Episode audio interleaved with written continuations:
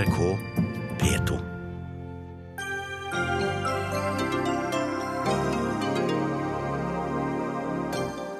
Regjeringen og samarbeidspartiene i innspurten i asylforhandlingene.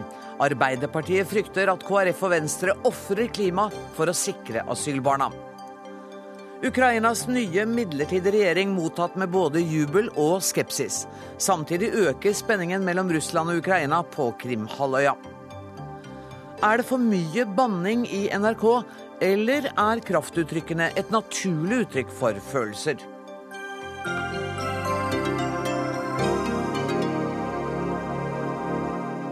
Dette er torsdagsutgaven av Dagsnytt 18, der vi også skal høre at forskere har oppdaget 750 nye planeter. Kanskje finnes det liv der ute. Men først til litt mer jordnære saker. Om noen timer får vi vite detaljene i regjeringens nye asylpolitikk. Forhandlingene mellom regjeringen og samarbeidspartiene har gått på overtid, der den er sluttført, og resultatet blir offentliggjort i løpet av kvelden. Samtidig er det klart at Venstre og KrF trekker sin støtte til Arbeiderpartiets forslag om å avvikle oljefondets investeringer i kullselskaper. Sveinung Rotevatn, stortingsrepresentant for Venstre. Eh, jeg sa at forhandlingene var sluttført. De møtes igjen om eh, en snau halvtime, og det er vel omtrent sluttført. Kan du røpe noen flere detaljer? Nei, Jeg skal ikke røpe noe, for det er en ikke enige ennå. Og da skal en ikke røpe det en ikke er enige om. Men det jeg kan si, er jo hva Venstre jobber for, og som vi håper å få til. Og Det vi håper å få til, er et historisk vedtak i Stortinget, der vi jobber for å få med regjeringspartiene på at eh, vi skal ha ei uavhengig gjennomgang av hele investeringsporteføljen til Statens pensjonsfond utland, med sikte på å vurdere risikoen opp mot alle fossile investeringer. Kull, gass, olje. Både fordi det er en stor klima- og miljørisiko knytta til det, men også fordi det er en stor økonomisk risiko for Norge å være så tungt eksponert mot den sektoren. Det er det vi jobber for å få til. Er det jeg ikke skjønte det helt? Dere, dere vil ha en gransking eller en gjennomgang av hele porteføljen? Ja, vi vil ha en gjennomgang av hele porteføljen, av hele SPU. og Den vil vi at skal være uavhengig, der en ser på risikoen med sikte på å forhåpentligvis trekke seg ut av mange av fossilinvesteringene oljefondet har i dag. Og Grunnen til at den bør være uavhengig, er jo at jeg tror ikke så veldig mye på at regjeringa sjøl skal gjøre dette.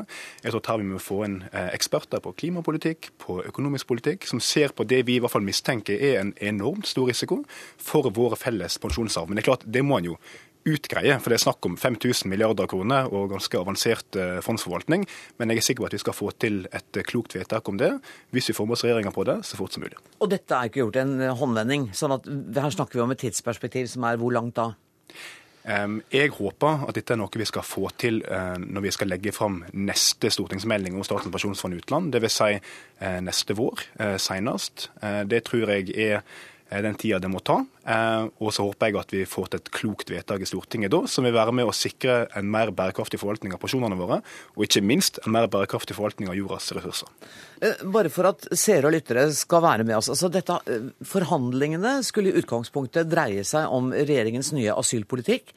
Men så er jo eh, eh, Statens pensjonsfond utland kommet inn i dette, og man har nådd Jo. Nei, nei det, det, er feil. Dette er to ulike forhandlinger. Eh, på den ene sida har vi forhandla med regjeringa om utlendings- og innvandringsfeltet eh, for å konkretisere den avtalen vi gjorde i høst.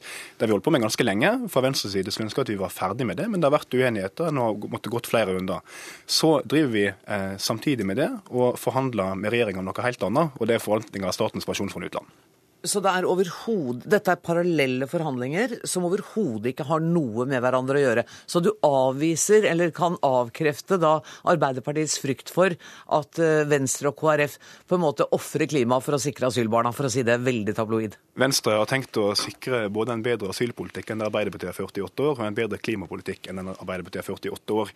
Eh, og Det er like viktige saker for oss, men det er to helt uavhengige forhandlinger med ulike personer involvert. Og det er snakk om ulike komiteer eh, og ulike departement. slik at Det skal ikke en se i sammenheng, og det gjør ikke vi heller. Men det er et faktum at sånn som det ligger an nå, så fordi dere går inn for en større løsning, så trekker dere støtten til Arbeiderpartiets forslag om at, at Statens pensjonsfond utland skal trekke alle sine investeringer i kullselskaper vekk. Altså, Vi har aldri gitt støtte til noen andre forslag enn vårt eget forslag, som er det vi nå jobber for å få til. Det har vi for så vidt fremma i Stortinget før. altså Vi fremma det forslaget her like før jul, vi.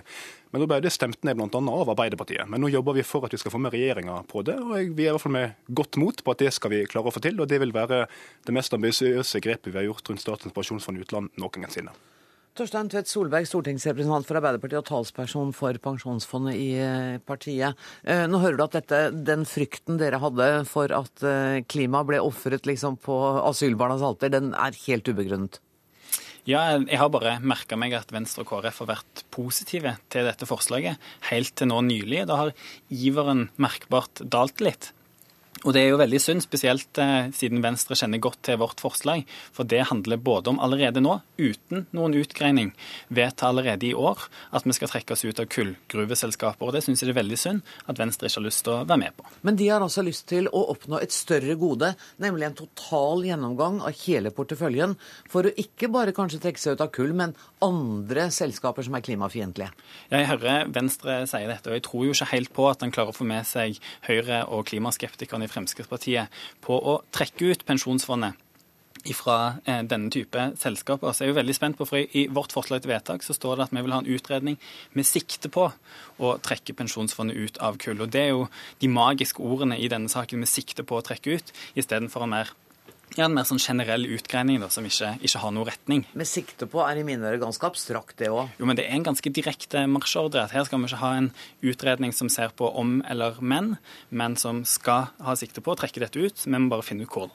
Altså, Venstre, Det Venstre går inn for, er vagere, etter din mening? Nå har jo ikke jeg sett dette forslaget Nei, men du hørte det referert? Ja, og det høres mye vagere ut, okay. dessverre. Og da er det jo synd at de ikke er med. Det, det forslaget jeg refererte, det har du sett, for det har du stemt mot. Eh, vi leverte det i Stortinget før jul eh, i samband med budsjettbehandlinga. Det vi ønsker, det står i partiprogrammet vårt også. altså Det er jo partiprogrammet vårt vi jobber for å gjennomføre, ikke Arbeiderpartiet sitt. Jeg håper jo det. Men jeg vil også få lov til å understreke da, altså, vi er ikke negative til Aps forslag. Det er veldig bra at Ap endelig har begynt å fremme ambisiøse forslag på klimaområdet. Og det er en fin start, det de foreslår, men vi ønsker å gå mye lenger og se realiteten der at det dessverre ikke er flertall på Stortinget for begge deler. Regjeringa har jo avvist Ap sitt forslag, mens Ap har avvist det forslaget vi forsøker å få med regjeringa på. Men det vi forsøker å få med regjeringa på, er mye mer ambisiøst. og Derfor går vi den veien nå og jobber for å danne flertall for at vi skal ta sikte på å trekke ut fondet fra alle fossile investeringer etter en god og grundig prosess med uavhengige eksperter, forhåpentligvis i løpet av et år. Mens det ene forslaget blir avvist av det andre etter det andre, så er det kanskje klima som blir eh, offeret, Nina Jensen, generalsekretær i WWF. Du advarte Venstre og KrF på Twitter i går mot å la seg sweet-talk av eh, søster Siv Jensen i, for, forhandlingene om det norske oljefondet skal ut av investeringene i kullindustri. Hva tenker du når du hører denne diskusjonen mellom Arbeiderpartiet og Venstre? Jeg, jeg syns jo det er spennende, eh, selvfølgelig. Og jeg tror ikke det er eh, klima som blir offeret. Jeg håper jo virkelig at det er eh, klima og folket som blir vinnerne. Og jeg har jo stor tiltro til Venstre og KrF i dette spørsmålet. At de faktisk vil være lojale til velgerne sine og til miljø- og klimaspørsmål. Det er helt avgjørende så er det jo ikke noe gærent med å ha større ambisjoner. Og hvis det stemmer, eh, som Rotevatn sier, at de faktisk kan få med regjeringen på å trekke seg ut av en bredere portefølje, altså større andel av fossile investeringer, så er jo det knallbra.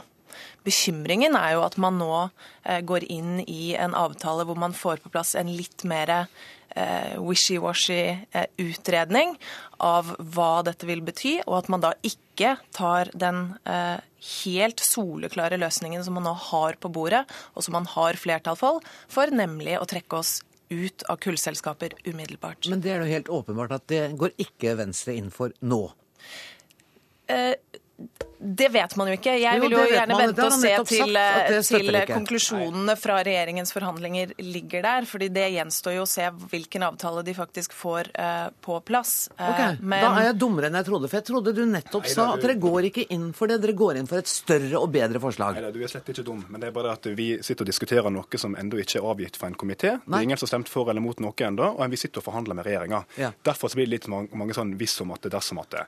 Eh, men det jeg sier nå, er at jeg syns sitt forslag er et eh, godt forslag. Det er ikke det jeg sier. Jeg sier bare at vi har et mye bedre, bedre. forslag, som Arbeiderpartiet dessverre har vært mot, men som vi forsøker å få med oss regjeringa på. Og regjeringa har vært veldig negative til Aps forslag. For de mener jo at det å på en måte be regjeringa utrede og trekke seg ut av kull i løpet av tre uker, og så gjøre det, eh, er uansvarlig. Jeg er nok mer positiv til forslaget enn det, men jeg tror at vi skal få med oss regjeringa på en mye bredere prosess, der vi kan trekke oss ut av mye mer. Det håper jeg også kanskje at Arbeiderpartiet, selv om de har vært mot det, kan være med oss og støtte opp om i Stortinget i løpet av et år. Og i verste fall, hvis dere er mot det regjeringa er mot det, så vil fortsatt kullflertallet være der. Men vi tenker mye større enn det, og håper nå mye lenger enn det. Det som er interessant her, er at man er i en situasjon hvor regjeringen er negativ, mens det faktisk er et reelt flertall for å trekke seg ut fra kull. Og selv Yngve Slyngstad eh, sier jo at det vil være uproblematisk å umiddelbart gå ut av eh, rendyrkede kullselskaper. Dette er det jo ingen grunn til å vente på både Venstre og KrF burde jo i klimaets interesse eh, sørge for at det skjer umiddelbart. Og så kan man jo fortsette med en videre utgreining av hva man gjør med resten av fossilsektoren. Så ingen grunn til å vente med noe som det faktisk er flertall allerede i dag på Stortinget for, og som vil være kanskje det mest kraftfulle signalet som eh, eh Stortinget kan sende til resten av verden for eh, klima. Og Dermed er din støtte gitt til Arbeiderpartiets forslag? Jeg ønsker at man umiddelbart skal trekke seg ut fra kull.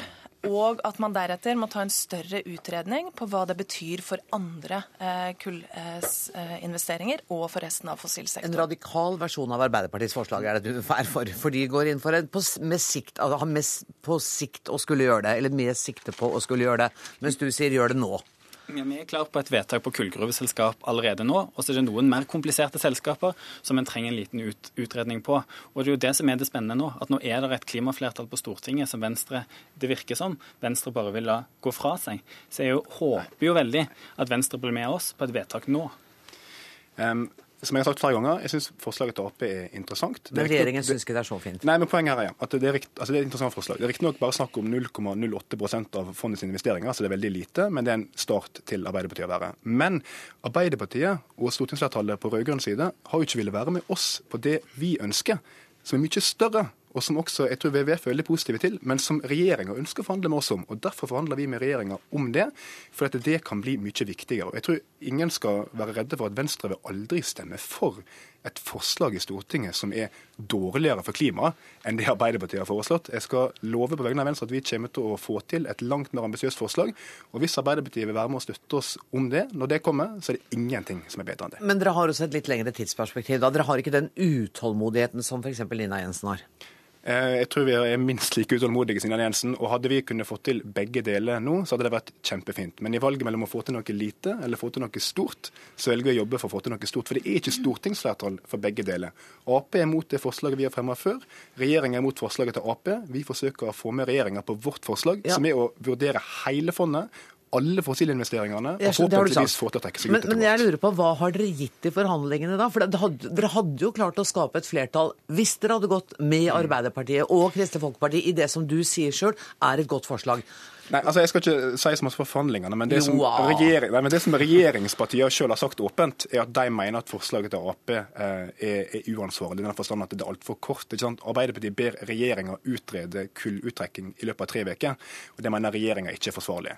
Eh, og Det får de bare mene, men de mener og er med også forhandler om å gjøre dette på litt lengre sikt, med et uavhengig utvalg, forhåpentligvis, som kan se på hele bredden. Og Det håper jeg også at Ap kan være med å støtte dersom vi får det til. Det er litt sånn dersom hvis i fall her, eh, Jensen, men du hører jo at det kan altså bli et større og mer omfattende grep hvis eh, Venstre får med seg regjeringen på dette forslaget. Er du fornøyd da? Ja, Hvis han får det til, så er det jo flott. Men, men Spørsmålet her er om det er en litt naiv tilnærming. Hvis de mener at regjeringen er skeptiske til forslaget om å trekke seg ut fra kull, og så tror de at de faktisk skal få med regjeringen på å trekke seg ut fra hele den fossile porteføljen, så er jo det relativt håpefullt, eh, vil jeg si. Og når man da allerede i dag har et stortingsflertall for å trekke seg ut fra kull, som vil være det viktigste signalet vi kan sende til verdensmarkedet, så burde man satse på det først og fremst. Vet du hva, Vi må sette strek da, men jeg har lyst til å spørre deg, Rotevatn, om ganske kort tid så så skal vi nå få vite resultatet av forhandlingene mellom samarbeidspartiene og regjeringen når det gjelder asyl og asylpolitikk. Har du lyst til å røpe bitte lite grann om hva vi kommer til å få vite der? Ja, jeg har veldig lyst til det, eh, men jeg kommer nok ikke til å gjøre det. Men det jeg Da kan, må jeg kaste dere ut av studio, tror jeg. men det jeg kan røpe, er at jeg tror vi kommer til å få til en asylpolitikk, særlig for barn, som er langt bedre enn den Arbeiderpartiet dessverre har ført i åtte år. Og jeg håper at vi etter hvert får til en klimapolitikk som er bedre enn den som har vært ført i åtte år. For Venstre er opptatt av begge deler. Har du lyst til å fortelle hva dere har ofret også for å få til eh, en bedre situasjon for asylbarna? Nei, Jeg kommer nok ikke til å fortelle så masse, det får dere høre i, i god tid. Men eh, det er jo ingen tvil om at det er uenighet på borgerlig side om innvandrings- og asylpolitikken. Men eh, vi har forplikta oss til å bli enige og finne en god og balansert løsning, og det håper jeg at vi skal få til. Tusen takk for at dere kom til Dagsnytt 18, Sveinung Rotevatn, Torstein Tvedt Solberg og Nina Jensen. Lars Nehru Sand, du er politisk kommentator her i NRK. Du er på Stortinget der innspurten i forhandlingene om asylpolitikken nå er inne i kanskje sin siste time. Um, kan du si noe om hva som blir de viktigste endringene? Ja, På asylbarnfeltet så eh, er eh, flere i Venstre enn Rotevatn fornøyd med at man får gjennom en forskriftsendring hvor man konkretiserer hvilken tilknytning barn skal ha eh, for å få opphold i Norge. Altså hva som skal telle med når man gjør den vurderingen. Ingen svart-hvitt liste som, som kvalifiserer til opphold.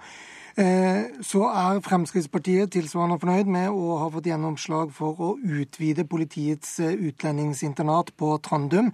I dag er det 130 plasser ca. der, og slik vi forstår det, så blir det en utvidelse på en 60-70 plasser.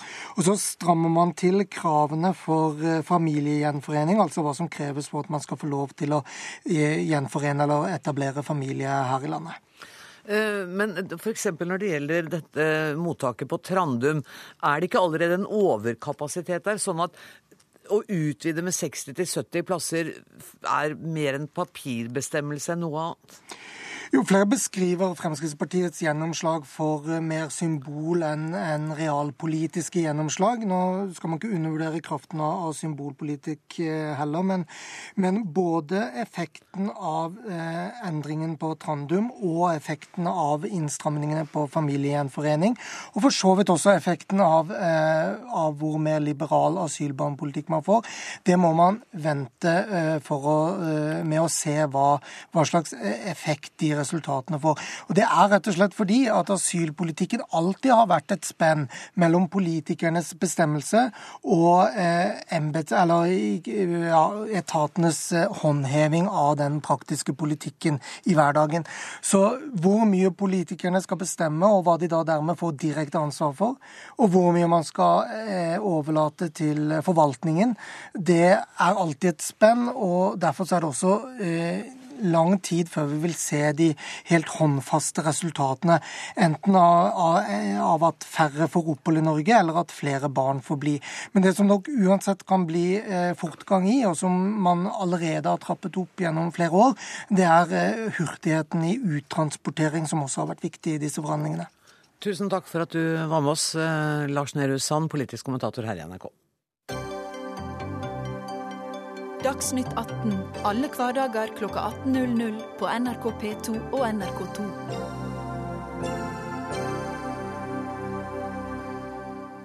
I dag ble Ukrainas nye regjering godkjent av parlamentet.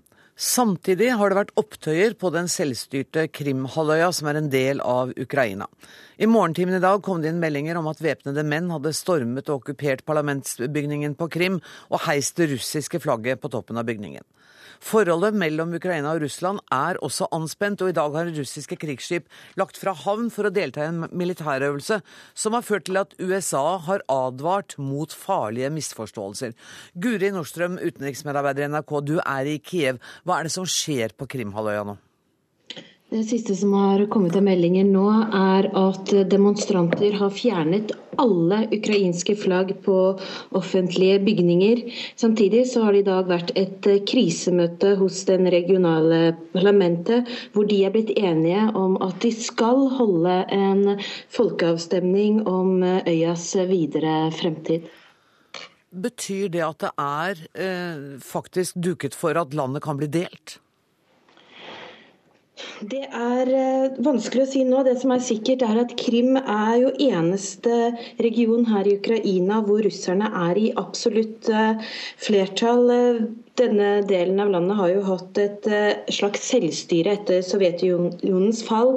Og det som har vist seg de siste dagene, er jo at mange der ikke ikke støtter avsettelsen av president Janukovitsj, og at de er svært sterkt imot den midlertidige regjeringen som er presentert her i Kiev. Og Det var jo derfor også vi så disse voldsomme demonstrasjonene der i går, og også, som da også har fortsatt i dag. Men hvordan er da stemningen i Kiev der du er nå?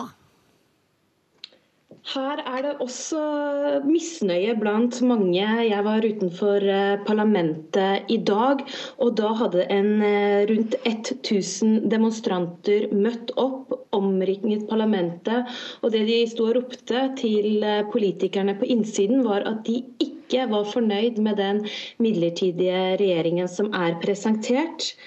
Ehm, det de er spesielt eh, misfornøyd med, sier de, det er at de mener denne nye denne regjeringen bare er eh, same shit, new rapping. Altså de, de presenterer det er, de gamle, det er folk som tidligere har hatt eh, makta, som ikke har klart å gjøre noe med korrupsjon i landet, ikke har klart å gjennomføre mye, og som nå sitter og bekler nye poster. Og de er spesielt misfornøyde sånn med statsminister, innenriksminister og den midlertidige presidenten. Guri Nordstrøm, takk for at du var med i Dagsnytt 18 fra Kiev. Tor Bukkvold, du er seniorforsker ved Forsvarets forskningsinstitutt. Det skjer mye i, i, dag. Men først, hva betyr det for Ukraina at parlamentet nå faktisk har godkjent denne regjeringen, selv om den møter mye motstand? Det er veldig viktig, for man må ha noen som skal styre landet. og Dessuten så ble regjeringa godkjent med et uh, veldig overveldende flertall. Så sånn sett så er det her uh, veldig nødvendig. Også er det da en regjering som ikke skal sitte veldig lenge. Hvor lenge da? Ja, Det er snakk om tre til fire måneder, så det er, ikke, det er ikke kjempelenge. Det som er litt mer uklart, er at noen sier at man skal ha også nytt parlamentsvalg i løpet av året, mens andre ikke, sier at man ikke skal ha det. Så, sånn sett er det uklart litt hva den neste regjeringa skal komme ifra en. Men meninga med denne regjeringa er nok å sitte bare fram til man har vært en ny president. Men det er veldig viktig for eh, å kunne styre landet at man faktisk har en regjering, selvfølgelig. Ja, og så, så, får man da en regjering, en mer permanent regjering, og så er da kravet om folkeavstemning på Krim. Ja, det, er, det her ligner veldig mye på det som skjedde på, rett etter Sovjetunionens oppløsning. Tidlig på 90-tallet så var det en lignende bevegelse på Krim som ønska folkeavstemning om uavhengighet eller hvordan del til Ukraina. Og det var en, en betydelig separatistbevegelse der. Den gangen fisla det ut, og mye på grunn til at den bevegelsen ikke fikk russisk støtte. Så det, sånn sett så er det jo spennende å se framover nå om Russland vil innta en annen holdning til separatisme på Krim enn før. Men Russland har forplikta seg gjennom den såkalte Budapest-avtalen, som Ukraina underskrev når man sendte tilbake atomvåpnene til Russland. Så har Russland eh, sagt at de skal gjennom den avtalen at de skal respektere Ukrainas territorielle integritet. Martin Paulsen, du er førsteamanuensis ved Universitetet i Bergen. Kan du prøve å forklare hvor skillelinjene går mellom denne autonome republikken eh, på Krim og resten av Ukraina? Nei, altså De skillelinjene går jo der hvor eh, halvøya eh, deler seg fra fastlandet. Og det, det, er viktig å være klar over at eh, det som skjer på Krim, handler om Krimhalvøya som en autonom republikk i Ukraina. Sånn at Det er en veldig annerledes dynamikk enn det vi ser i de østlige delene av eh, fastlands-Ukraina. Eh, Hvordan da? Eh, for det første at, fordi at de har en autonom status. De har et eget parlament. Eh, og Dessuten så er det som eh, Nordstrøm var inne på i eh, innslaget her, at det er jo den regionen i Ukraina hvor det faktisk er et flertall av etniske russere. Det er, har du ikke fastlands, i fastlands-Ukraina. Sånn det det er en veldig annerledes dynamikk her. Og så kommer jo også den, den russiske svartehavsflåta og deres base på Krim inn og spiller en veldig viktig rolle. sånn at også for russerne så har Krim en helt annen status enn andre områder eh, i dagens Ukraina. Men er det også slik at president Putin nå benytter anledningen til å fiske i rørt vann, når han sier at alle ukrainere som ønsker det, skal få russisk statsborgerskap? Ja. Eh, og det her er jo en, eh, et eh, verktøy som russerne har i sin politiske verktøykasse. Det er et verktøy de brukte i forkant av krigshandlingene, krigshandlingene i Georgia i 2008. Og det er noe de bruker for å påvirke politikken i nærområdene utenfor Russlands grenser. Bokal, hva, hva, betyr det nå at det er en militærøvelse på gang som er ganske omfattende, og som har fått Nato til å advare og be russerne trå varlig? USA er bekymret. Hva er det som skjer? Det Russland har sagt selv, eller Den russiske eh, forsvarsministeren Sjojgu har sagt, er at dette er en regulær øvelse, en type øvelse som man har kjørt jevnlig to siste åra. Så det er helt tilfeldig? Ja, det tror vil få på. Men det er samtidig sant da, at man har kjørt den type øvelser to siste åra for å teste beredskapen til de russiske militære styrkene. Man kjørte en sånn øvelse sist for eh, et halvt år siden i det østlige militærdistriktet. Så han har rett i det. Eh, samtidig så er det klart at når man setter i gang denne øvelsen nå i det vestlige militærdistriktet, så måtte man jo skjønne i Moskva at det her ikke ville vært veldig populært i Kiev. Så Sånn sett så er det vel antagelig ikke helt tilfeldig, men antagelig ønsker man å sende et politisk signal da, om at hvis helt vesentlige russiske interesser skulle bli berørt av det som skjer i Ukraina, at man er klar i siste instans òg til å bruke kanskje militærmakt. Men det som også har vært oppe i alt det tragiske som har skjedd i Ukraina, har jo vært eh, denne konflikten mellom dem som ønsker en mer EU tilknytning, og de som ønsker en mer eh, tilknytning til den russiske tollunionen. Eh, jeg spør dere begge to, jeg begynner med deg, Bukkvold. Eh, hvem er det som har mest makt nå? I hvilken retning går Ukraina? Ja, nå er det uten tvil dem som ønsker integrering eh, vestover, som har mest makt. Eh, og, og den, kommer, den makta varer i en tre-fire måneder, eller så nei, lenge denne presidenten sitter? Jeg tror nok den varer lenger enn det. Nå kommer det selvfølgelig an på hvem som blir valgt til president, da, for vi får jo sannsynligvis presidentvalg i, i mai. og det er ikke ut utenkelig, men selv om det kanskje er veldig vanskelig for en representant for regionspartiet å vinne. Men man må regne med at de østlige områdene stiller med en kandidat der, og mye folk bor i øst. Sånn at en kandidat fra øst vil ikke være helt uten sjanse, men han vil nok ha mindre muligheter nå enn han hadde før. Martin Paulsen, er du enig i den vurderingen? Ja, eh, det er viktig å være klar over at det finnes, eh, altså, det finnes veldig mange velgere i Øst-Ukraina også som skal ha uh, si sitt når valget kommer i, i, i, mai. Men det jeg tror er viktig å nyansere her, at det på den ene sida handler det om en tilslutning til EU som har en eh, stor eh, oppslutning eh, i Vest-Ukraina. Men jeg opplever ikke at det er en stor folkelig oppslutning om tilknytning til den eurasiske unionen til Putin i øst. Der føler jeg i større grad at det handler om et ønske om å være en del av den samme kulturelle sfæren som Russland, og at det har mindre å gjøre med denne unionen som på en måte er Putins hjertebarn. Men når dere nå snakker, så tenker jeg det, For meg virker bildet fremdeles kaotisk politisk. Men er dere trygge på at voldsomhetene, eh, drapene, at den perioden er over? At det går an å løse dette kaoset på fredelig vis, Bokvold? Nei, jeg er ikke trygg. Jeg, jeg, jeg, tror det er mest sannsynlig at det går fredelig framover, men jeg er ikke trygg. Så Særlig det som, kanskje mest det som skjer på Krim, er fremdeles noe man bør bekymre seg over. Var det uventet at det nå skulle blusse opp på Krim? Nei, ikke så veldig uventa. Som jeg sa i stad, så, så, har vi sett dette her før, eh, og for så vidt litt etter oransjerevolusjonen. Og Krim, eh, som Paulsen er inne på, så Krim er veldig forskjellig fra Øst- og Sør-Ukraina. Det er helt annerledes. Det har ikke vært en del av Ukraina lenger enn siden 1953. Eh, befolkninga som bor der, har en, en mer sånn identitetsmessig tilknytning til Russland enn det den, har, eh, den russisktalende befolkninga i Øst-Ukraina f.eks. Men Paulsen, kan det da hende at, at det er like greit at uh, denne autonome republikken går ut av Ukraina? At det kan være med på å bidra til fred?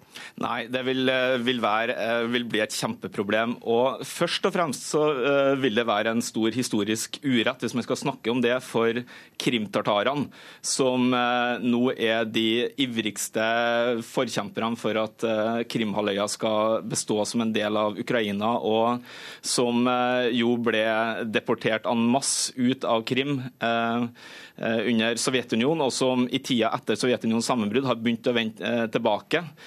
Og som vil være veldig skeptisk til noe annet enn å være en del av Ukraina. Vi har så vidt vært inne på at Putin er ute og fisker i rørt vann. Er også vestlige makter så interessert i dette at man spiller et spill her? Er USA Har de en vesentlig rolle her? Jeg tror at uh, både Vesten og USA ønsker bare uh, først og fremst nå at, det, at voldsomhetene skal legge seg, at uh, voldsbruken skal bli borte, og at det skal bli ro der. I stor grad når en spiller et spill, så er det jo selvfølgelig at EU og for så vidt USA ønsker at Ukraina går i en vestlig retning. EU er rett nok litt sånn vinglende, for på den ene sida ønsker de at Ukraina bli mer et vestlig samfunn. På den annen side så er de ikke villige til å love noe medlemskap. Så det er litt sånn begge deler der, da. Men de vil gjerne ha dem allikevel i sin retning? Ja, de vil nok kanskje, men uten at foreløpig at man er villig til å betale noe særlig for det. Paulsen, er du enig i den vurderingen også? Ja, altså det er klart at det her er jo et eh, storpolitisk spill hvor eh, både USA, EU og Russland er veldig viktige aktører, så det kan man ikke eh, stikke under stol og alt handler om eh, folket i Ukraina. Tusen takk for at dere kom til Dagsnytt 18 i dag igjen, Tor Bukkvold og Martin Paulsen.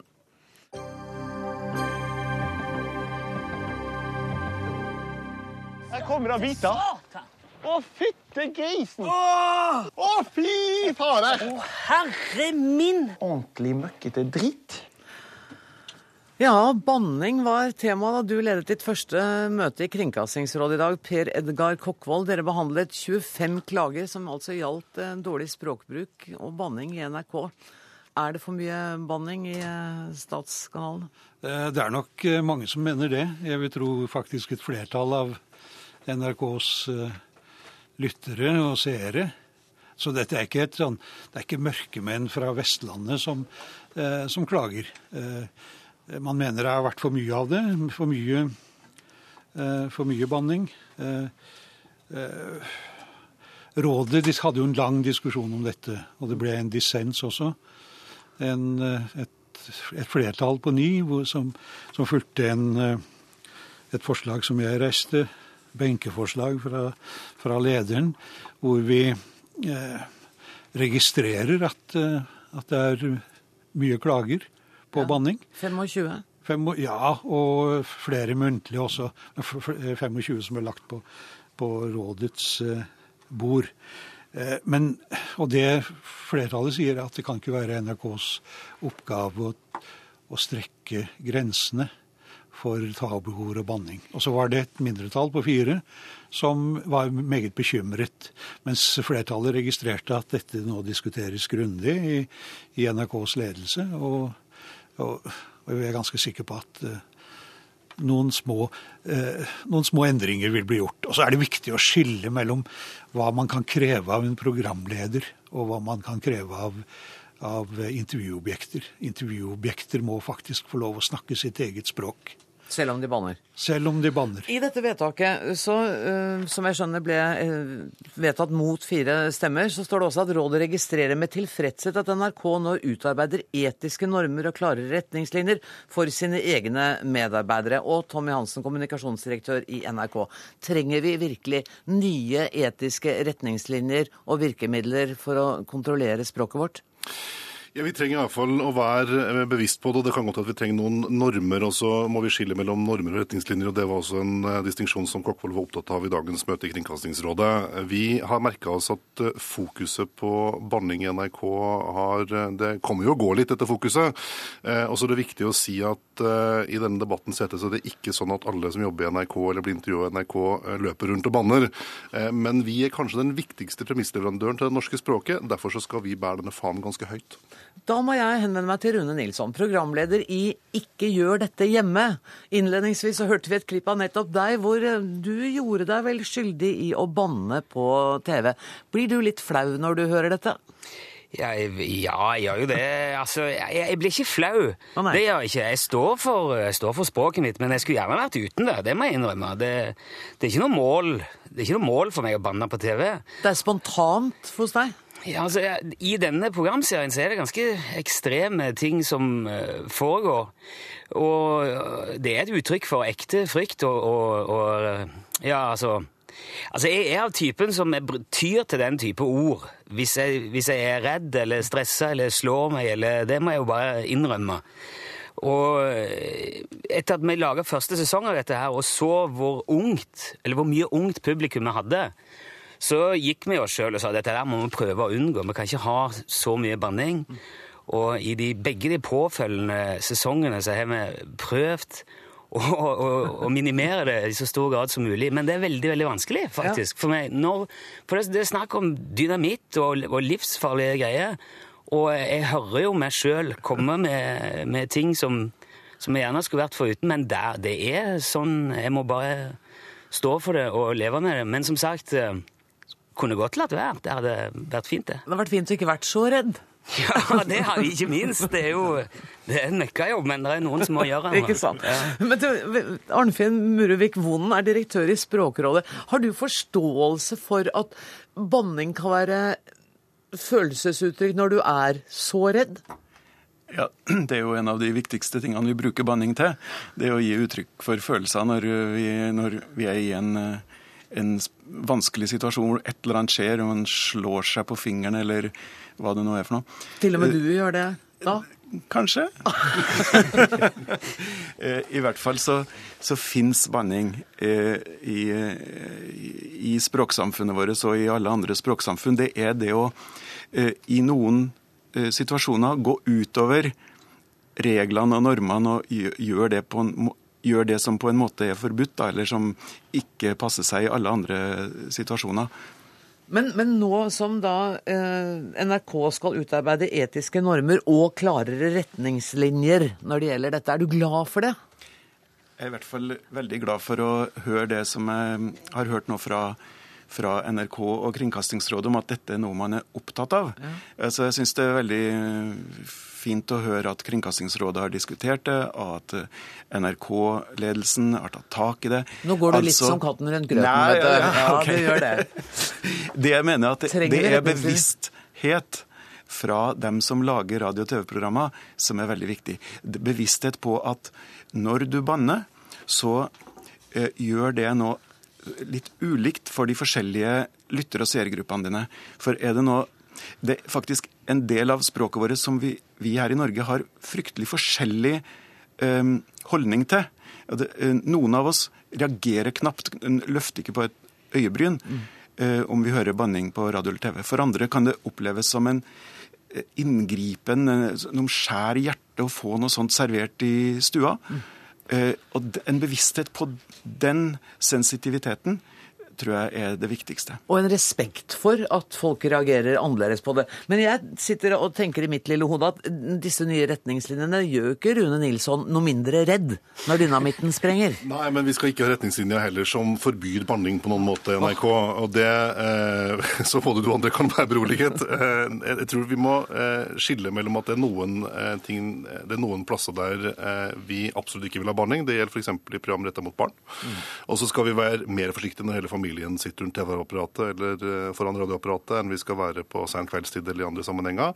Og så må vi passe på at vi ikke kommer dit at vi eh, omskriver virkeligheten. Eh, og det betyr at eh, i noen tilfeller når du blir redd, sånn som Rune blir når han spiller inn disse programmene, eh, så er det en naturlig reaksjon. Og hvis vi skulle da erstatta det med noen kunstige uttrykk, så ville vi ha fordreid virkeligheten. Det er mer alvorlig for oss enn at det kommer et annet ord som eh, skaper debatt. Eller det som er vanlig i USA, med pipelyder. Det er jo ikke fint. Nei, det skal vi heller ikke legge som noen ny føring for oss, for at vi skal speile virkeligheten. Og så er det viktig å huske på at språket har forandra seg, måten vi lager program har forandra seg på, og i sum så gjør det at det kanskje framstår litt mer massivt. Siden vi går klokka 18, så er vi tilbakeholdne med banning her i dette programmet også. Det er greit, ja. Men jeg lurer på, hvor går grensene?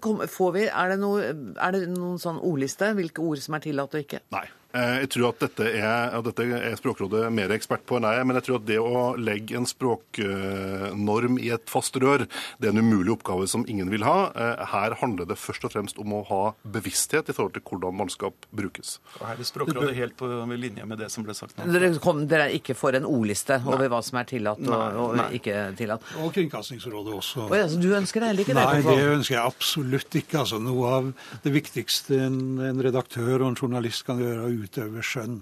Og vite når man kan banne, og når man ikke kan gjøre det.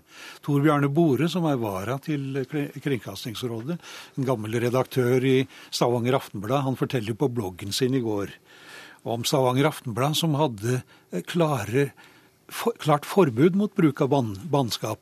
Men så sendte de en journalist ut på felten på hvalfangst. Eh, skytteren bommet på hvalen, og han sa 'å, faen'. Eh, Kringkastingsrådets leder banner i Dagsnytt 18, jeg bare nevner det. ja. Og, så hadde redaktøren en stor debatt om dette. Kan vi bringe, kan vi skrive dette her? Og så fant vi ut at ja, det er helt naturlig at vi gjør det.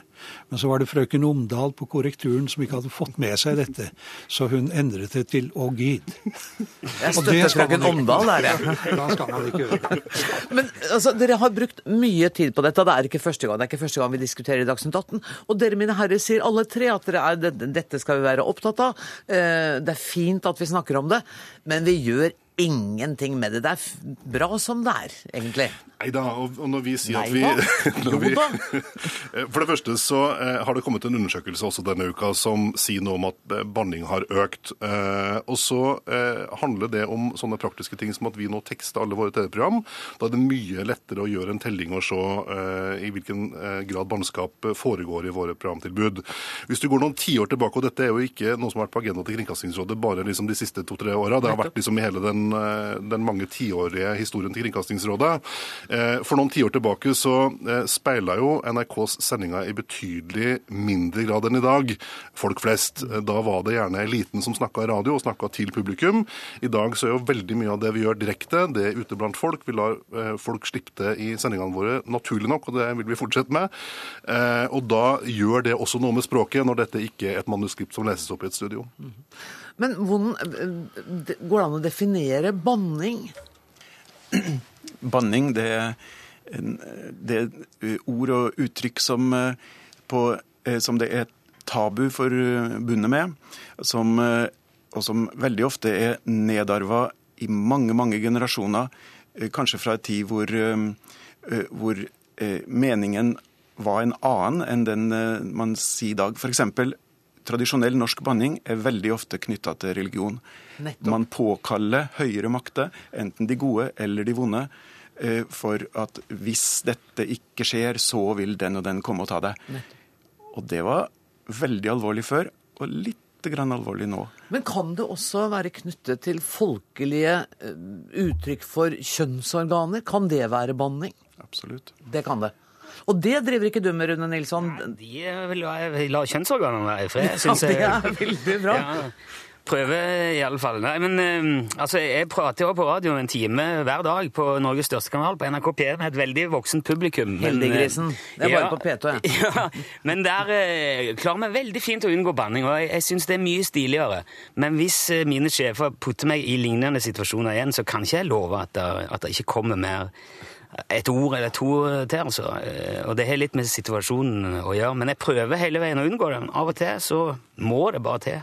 Jeg tror ikke at dine sjefer kommer til å pålegge deg Etter det jeg har hørt nå, så kommer ikke Tommy til å si at dette får du ikke lov til å si mer. Det tror jeg ikke hadde, det, det hadde ikke hjulpet noen verdens ting som helst. Så når, når lunta brenner, da Det som skjer etterpå, det skjer, altså. Og da tror jeg bare vi konkluderer med en total enighet om at vi skal ha respekt for at folk reagerer forskjellig på hvordan vi snakker, og at vi skal i størst mulig grad unngå banning. Og vi fortsetter med det. Hvordan har ellers første dag i Kringkastingsrådet vært? eh, Ja, det har vært eh, interessant. Eh, Jeg har gledet meg, fordi jeg vet hva dette Kringkastingsrådet er, og ikke minst hva det ikke skal være.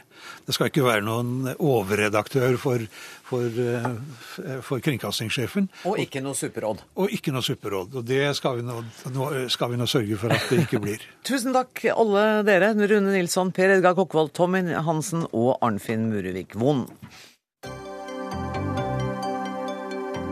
Hør Dagsnytt 18 når du vil. Radio NRK NO.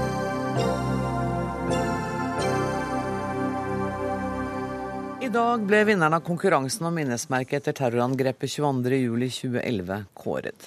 Vinneren er den svenske kunstneren Jonas Dahlberg. På Sørbråten ved Utøya ønsker han å skjære ut en del av fjellet, og steinen derfra skal brukes i minnesmerket i regjeringskvartalet. Jeg tror ikke jeg skal gå lenger i å beskrive vinnerutkastet, men gratulerer, Jonas Dahlberg.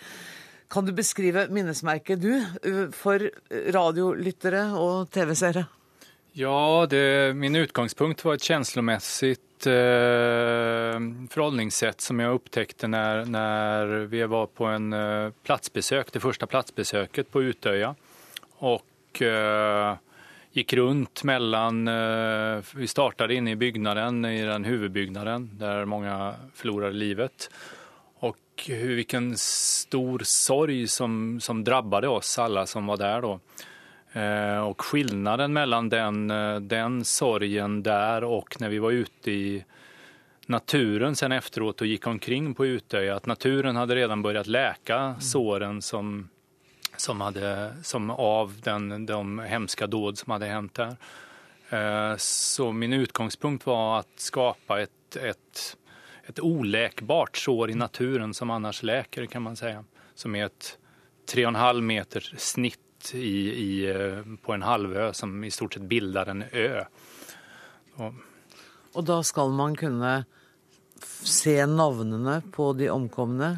Ja, det, du tas jo på en ferd gjennom skogen, altså at man kan si at man, man, man att ta seg til denne här platsen så bygger veldig mye på en slags dramaturgi da, då du åker dit for å nesten se, se Utöja. Och eh, man tas på en promenad mot det här verket med det målet och precis innan du når ditt mål så, så förs man ner i en tunnel och kommer rakt in i det här såret eller snittet. Och i, på andra sidan av den vertikala bergväggen så ser man, så ser man namnen av, av det som har förlorat livet. Och men kan ikke røre den? Du kan inte röra dem. Ja. Du ser dem och kan läsa dem men du når, all, når dem aldri igjen. Jørn Mortensen, dekan ved kunstfag og leder av utvalget som har ansvaret for å sette opp minnesmerket til 22.07. Hva var det som gjorde at juryen gikk for dette forslaget? Eh, det er nok en helhetlig vurdering hvor eh, prosjektet til Dalberg ute på Sørbråten var veldig viktig. Fordi eh, det er jo et kunstverk som faktisk artikulerer noe av den dramatikken som fant sted på, på Utøya. Og sånn sett så appellerte det ganske direkte til juryen. Altså et forsøk på å nesten metaforisk uttrykke eh, desperasjonen på, på Utøya. Eh, samtidig så spiller eh, den fortellingen den spilles opp mot eh, forslaget eh, til midlertidig minnested, hvor det vil være mulig å berøre hvor er det midlertidige minnestedet? Ja, Det midlertidige minnestedet skal være i regjeringskvartalet. Og det skal være et midlertidig minnested som uh, skal stå oppe frem til det endelige konseptet for regjeringskvartalet er ferdig. Inntil vi vet om Altså til Høyblokka blir stående ja, eller revet? Eller, eller hele konseptet. Hele konseptet det er et stort lerret. ikke sant. Ja. Så det er et midlertidig med et langt tidsperspektiv? Og så, så, så, så, det Dahlberg har gjort, er å lage en slags uh, total pakke, en total, et totalkonsept for alle minnestedene, og hvor det private og intime blir viktig på det midlertidige. Og så da det litt mer sånn seremonielle, sivile og demokratiske eh, blir tatt ut på det, det blir, eller blir aksentuert på det permanente minnestedet. Har det vært, eh, Nå kan du late som du ikke er her, Dahlberg, men har det vært viktig også at det er, at det er en ikke-nordmann som har hatt en slags distanse, som har på en måte kunnet se tragedien på en annen måte enn hans norske kolleger? Ligger det noe Nei, der? Ja, Det er et godt spørsmål. Vi har begynt å grunne på hva dette er for noe. Eh, jeg tror ikke det er så viktig at det har vært en utlending, for vi ser at det er en del av de andre utenlandske forslagene som også bruker natur og egentlig ganske harmoniske anslag til, eh, til minnestedet. Um, og i det hele tatt så ser vi, sånn som, sånn som Dahlberg understreker, at en veldig sånn respekt for hendelsen og en respekt for møtet med norsk, norsk natur, det, det, det, det, kjenner vi igjen på flere av, av prosjektene. Um, men det har ikke vært viktig for oss at det, at skulle være en utlending. Og, og, så det er faktisk veldig tilfeldig at det ble en svensk vinner. Mona Palle Bjerke, du er kunstkritiker her i NRK. Hva syns du om forslaget? Jeg må jo si at eh, Det forslaget, eller det utkastet til Utøya, Sørbråten, syns jeg er utrolig flott. Eh, knallsterkt, rett og slett. Og kanskje det aller flotteste av forslagene som ble lagt frem. Fordi at det har eh, denne, denne, styrken i at dette formuttrykket det taler så sterkt for seg selv. Det, man trenger ikke lese noen tekst, man trenger ikke bli fortalt hva det handler om. Det treffer deg rett og slett i mellomgulvet, og det uttrykker en veldig sterk smerte. Men han har da altså Det forutsetter en inngripen fysisk i Utøya? Det er rått, og det er brutalt. Og det, og det passer jo veldig godt. Men det er ikke for smertefullt heller. Men vi, det har en veldig flott metaforikk, for vi går da inn i denne gangen og ut i lyset igjen. Så det er jo en sånn på en måte enkle symboler for sorg og forsoning. Samtidig så kommer vi da ut og ser disse navnene, som er på denne polerte fjellveggen, som jo også ser litt ut som en gravsten. Så det er veldig, veldig mange lag av sterke assosiasjoner som dette verket vekker. Og selvfølgelig såret og arret i naturen, som veldig Og det at du ikke kan nå de navnene, tenker jeg. At det er akkurat så langt at du får ikke tatt på Mm, og at noe er borte, noe, en forbindelse er kuttet. Og det, er jo, det vi har tapt, er jo ikke bare alle de unge menneskene, men også den norske uskylden. på en måte. Så det er, det er, jeg syns det er et veldig flott og sterkt kunstnerisk, formmessig eh, og konseptuelt eh, prosjekt. Men så høres det ut som du har tenkt å si et men. Det har jeg. For jeg er ikke så overbevist over det jeg ser, det forslaget til regjeringskvartalet. For der syns jeg Altså, det er jo noe annet å gjøre et øksehugg inn i naturen. Og gjøre det inn i en annen, eh, hva skal jeg si, et annet åndsverk. Et, en allerede menneskeskapt setting. Og eh, slik som jeg opplever det i regjeringskvartalet, så er det en en litt ugrei inngripen i den arkitektoniske helheten der. Jeg opplever at det er formmessig problematisk. Ideen er veldig god, men det å bringe det man har hentet ut av fjellet, og eh, på en måte integrere det, slik at det blir en helhet, en samtale mellom disse to stedene. Men jeg har problemer med den formmessige, de to formuniversene som møtes med denne, disse konsentriske sirklene, den nedfelte, amfiteaterlignende formen, i denne veldig renskårne, enkle og veldig karakteristiske arkitektoniske plassen. Dahlberg, det er vel sikkert ikke noen overraskelse for deg at uh, kunstuttrykk skaper diskusjon. Det gjør det jo også i Sverige. Men, men er du overrasket over hva kritikken gjelder? Altså hva den rammer? Nej, egentligen inte. Det, det, att, att det kommer uppkomma en, en, en diskussion och dialog kring eh, eh, regeringskvarteren är ganska självklart eftersom det är ingen som eh, riktigt vet vad som kommer hända med dem. Och därför så, så, så tror jag att alla som har jobbat med den här uppgiften har jobbat med en konseptuell idé som man för vidare som sen kan först utforma sig på riktigt och vässas ordentligt och man börjar se vad som, vilket beslut som kommer tas. Så det blir ett det viktigaste som jag tänker hela tiden det är att, att det är bra att konsten är med från början. Så istället för att vänta in och se vad det blir och sen tar man in en konstnär så är konstnären med i dialogen, kan se vad det är som händer här och vilken typ av beslut som kommer tas.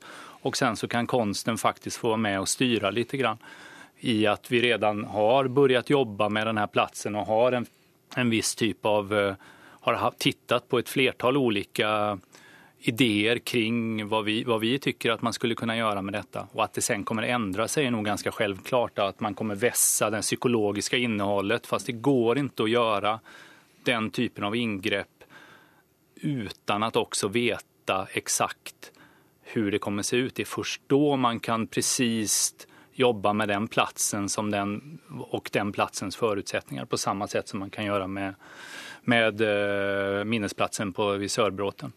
Det skal bli interessant å se hvordan dette til slutt kommer til å se ut. Tusen takk for at dere kom til Dagsnytt 18, Jørn Mortensen, Jonas Dahlberg og Mona Pale Bjerke.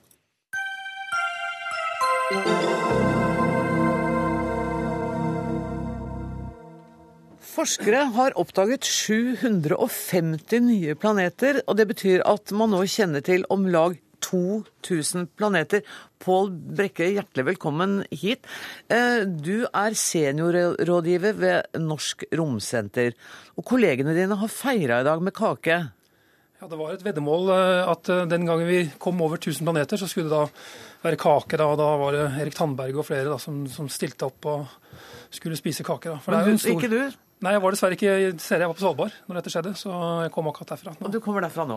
Eh, Hva betyr det at man har oppdaget 750 nye planeter? Ja, Det er jo en, en stor begivenhet, for det, det er jo ikke mer enn 20 år siden vi bare fant den første planeten. Vi trodde kanskje ikke det var noen planeter rundt andre stjerner, for eh, vi aldri klarte å se de. Og, og det å kunne finne en planet rundt en annen stjerne, det er altså omtrent som å se en ildflue rundt en lyskaster. Hvis du står i Oslo og den er på Svalbard. Det er nesten umulig å se lyset fra disse stjernene, så man må bruke andre teknikker. Og det er først da Når vi fikk fantastisk nye teleskoper ute i verdensrommet, hvor vi kunne virkelig prøve å, å måle lyset fra stjernene nøyaktig, så klarte man da å begynne å finne, finne stjerner. Og i stedet for å finne én en ene gangen nå, så finner man altså plutselig 750. Det er jo liksom fantastisk. Bare lek at du er i barnehagen nå, og så forklarer du meg hva er forskjellen på en planet og en stjerne? En stjerne er som sola vår. Det som lager masse energi, som stråler masse energi, og den er kjempestor. Eh, planeten er egentlig bare bitte små ting rundt en stjerne. Vi kan putte altså 1,3 millioner jordkloder inn i sola. Så, så, så, stor er den. Så hvis du reiser langt nok bort, så vil du heller ikke se jorda.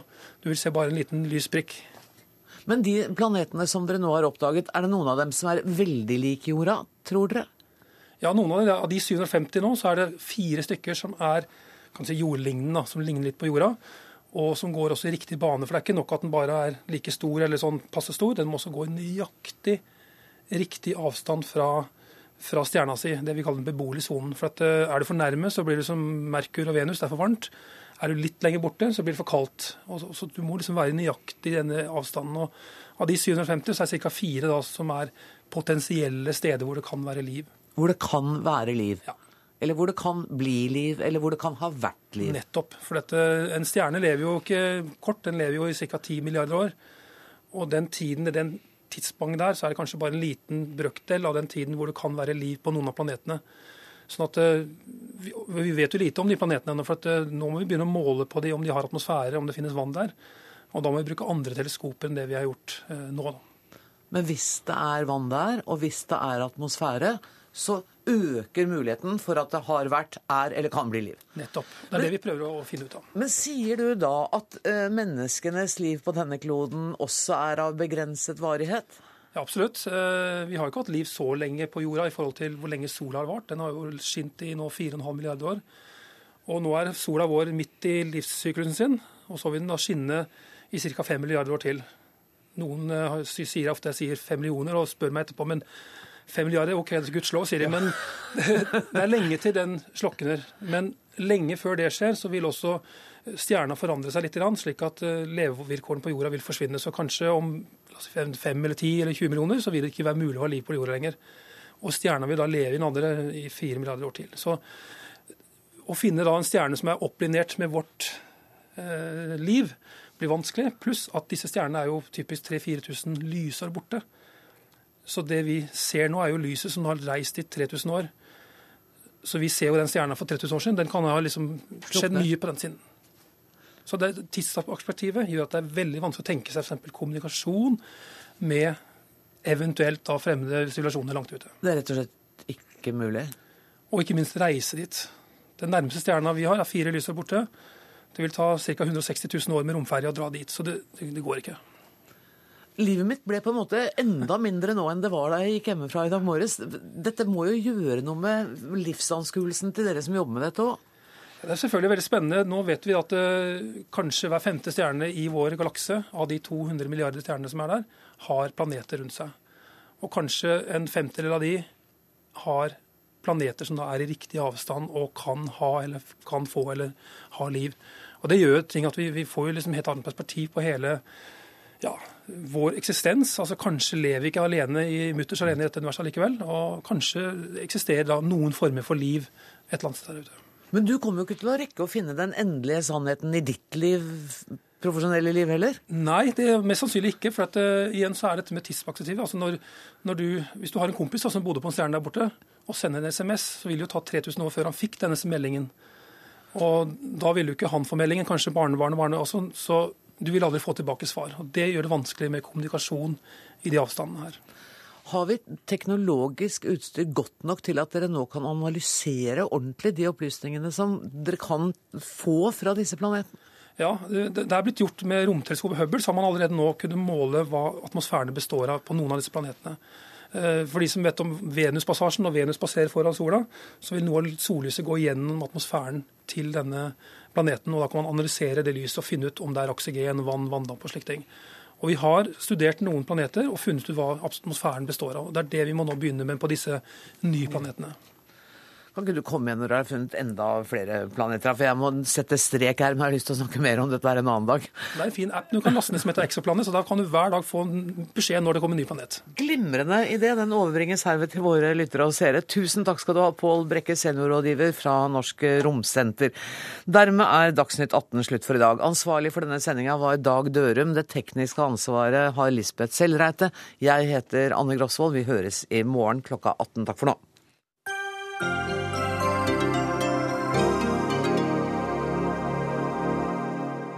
Hør flere podkaster på nrk.no podkast.